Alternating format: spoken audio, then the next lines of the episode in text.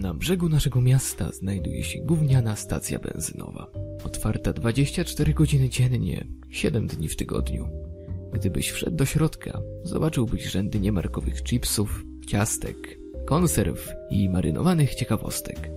Podejrzanie brakujące daty ważności z konserw, jakby zostały spakowane lata temu w jakiejś błędnej próbie kontroli rotacji zapasów. Wyblakły znak mokra podłoga z zamierzłych czasów zakrywa wielkie pęknięcie w podłodze obok lodówki, gdzie warstwy klejących rozlań formowały miniaturową kałużę smoły, konserwując niezliczone martwe owady i okazjonalnie małe gryzonie. Nikt nigdy nie narzeka na estetykę. Dzięki opatrzności graniczącej z czymś nadnaturalnym, inspektor sanitarny wielokrotnie podpisywał wszystko, zawsze uprzejmie ignorując nikły zapach jakiegoś rodzaju tajemniczego koktajlu chemikaliów który jest cechą charakterystyczną tej placówki. Bardziej zauważalny niż równomierny mechaniczny szum maszyny z mrożonymi napojami, która została zainstalowana w latach 70. i nigdy nie była serwisowana. Bardziej rozpraszający niż losowe miejsca z zimnym lub ciepłym powietrzem, które wydawać by się mogło podążając za tobą. I bardziej rozpraszający niż rodzina zmutowanych szopów, żyjących w pustej przestrzeni za filtrem tłuszczu. Przynajmniej wydaje nam się, że są zmutowane musiały rozmnażać się w sobie do punktu deformacji genetycznej i upośledzenia umysłowego. Alfa, muskularny, 90-centymetrowy sukinsyn zwany Rocco, był wielokrotnie widziany, gryząc opony przejezdnych i został przejechany co najmniej dwa razy, ale ciągle wraca. Ten zastarzały zapach, słodka kombinacja suchodrzewu, amoniaku i wymiocin nigdy nie został zidentyfikowany. Ale powszechna teoria jest taka, że wydobywa się z podziemi unosi się przez cienkie pęknięcie w betonie, które rosną i mnożą się z każdym rokiem dzięki architektonicznemu osiadaniu. Jest najmocniej wyczuwalny zaraz po deszczu. Jest tak ostry, że napędza łez do oczu, jeśli zbytnio zbliżysz się do odpływów burzowych, od których nawet Roko i jego klan trzymają się z daleka. Jeśli wszedłbyś do środka, mógłbyś także zobaczyć łazienkowego kowboja. Jest on tutaj jakby miejską legendą. Pojawia się tylko, gdy jesteś sam i niczego nie podejrzewasz. To, co czyni go naprawdę legendarnym, są historie, które opowiadają ludzie po rzekomym spotkaniu. Zeznania występują od dość dziwnych do niewiarygodnie dziwacznych.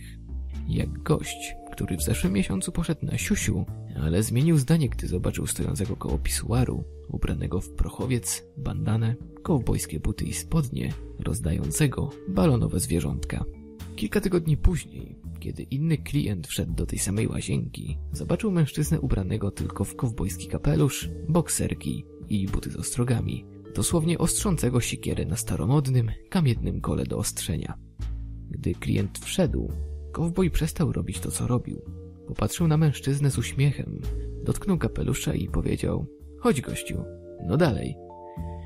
Jeśli miałbyś tyle szczęścia, żeby zobaczyć kowboja, który może ale nie musi nawiedzać łazienkę, nie przejmuj się tym. Jest nieszkodliwy i w rzeczywistości zwykle całkiem uprzejmy.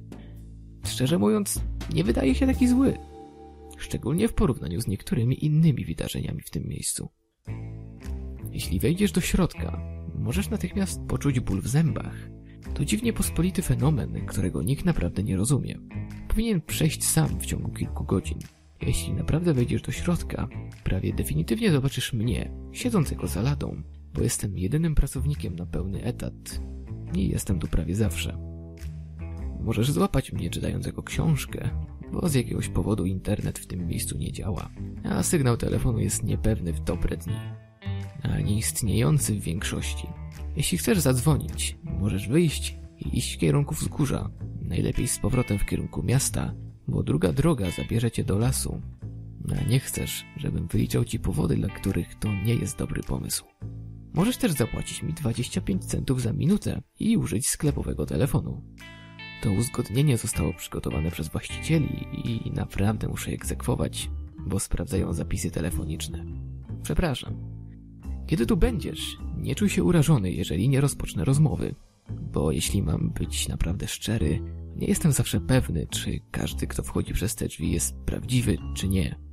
A jeśli miałbym odzywać się do wszystkich, którzy mogliby być prawdziwą osobą, mógłbym oszaleć. No nie potrzebujemy tego tutaj więcej. Sądzę, że to, co próbuję powiedzieć, to dziwne rzeczy dzieją się dookoła mnie. gdy pracuję na gównianej stacji benzynowej na brzegu miasta.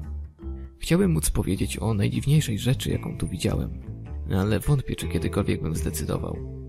Było ich po prostu zbyt dużo. Widziałem w sklepie w sumie cztery trumny przy trzech różnych okazjach. Poznałem co najmniej tuzin ludzi wędrujących z powrotem do miasta, twierdząc, że uciekli kosmitom albo spiskowcom rządowym i tak dalej. Nie mieli pieniędzy, ale potrzebowali zadzwonić i prosili o skorzystanie z telefonu, zanim oni znowu ich znajdą. Ale zasady są zasadami i nie jestem zobowiązany stracić pracę, bo nie uciekłeś z niewoli z drobnymi w kieszeni. I wreszcie oczywiście był Farmer Brown. Tak, to jego prawdziwe imię, który denerwował się na nas i narzekał na karmę dla zwierząt, którą dla niego zamawialiśmy. Nalegał, że coś było nie tak z produktem, ponieważ, jak to ujął, wszystkie jego zwierzęta nagle miały ludzkie twarze. Załatwiliśmy to z nim, dając mu znaczną zniżkę na kilka kolejnych zamówień. Niedługo później przestał przychodzić. Znaleźli to, co zostało z jego ciała w sypialni jego domu, który był zamknięty od środka. Z tego co wiem, do tej pory nie wiadomo co się stało. Tak czy inaczej, sądzę, że mogę wrócić i opowiedzieć historię lub dwie, no ale najpierw muszę przygotować się do pracy.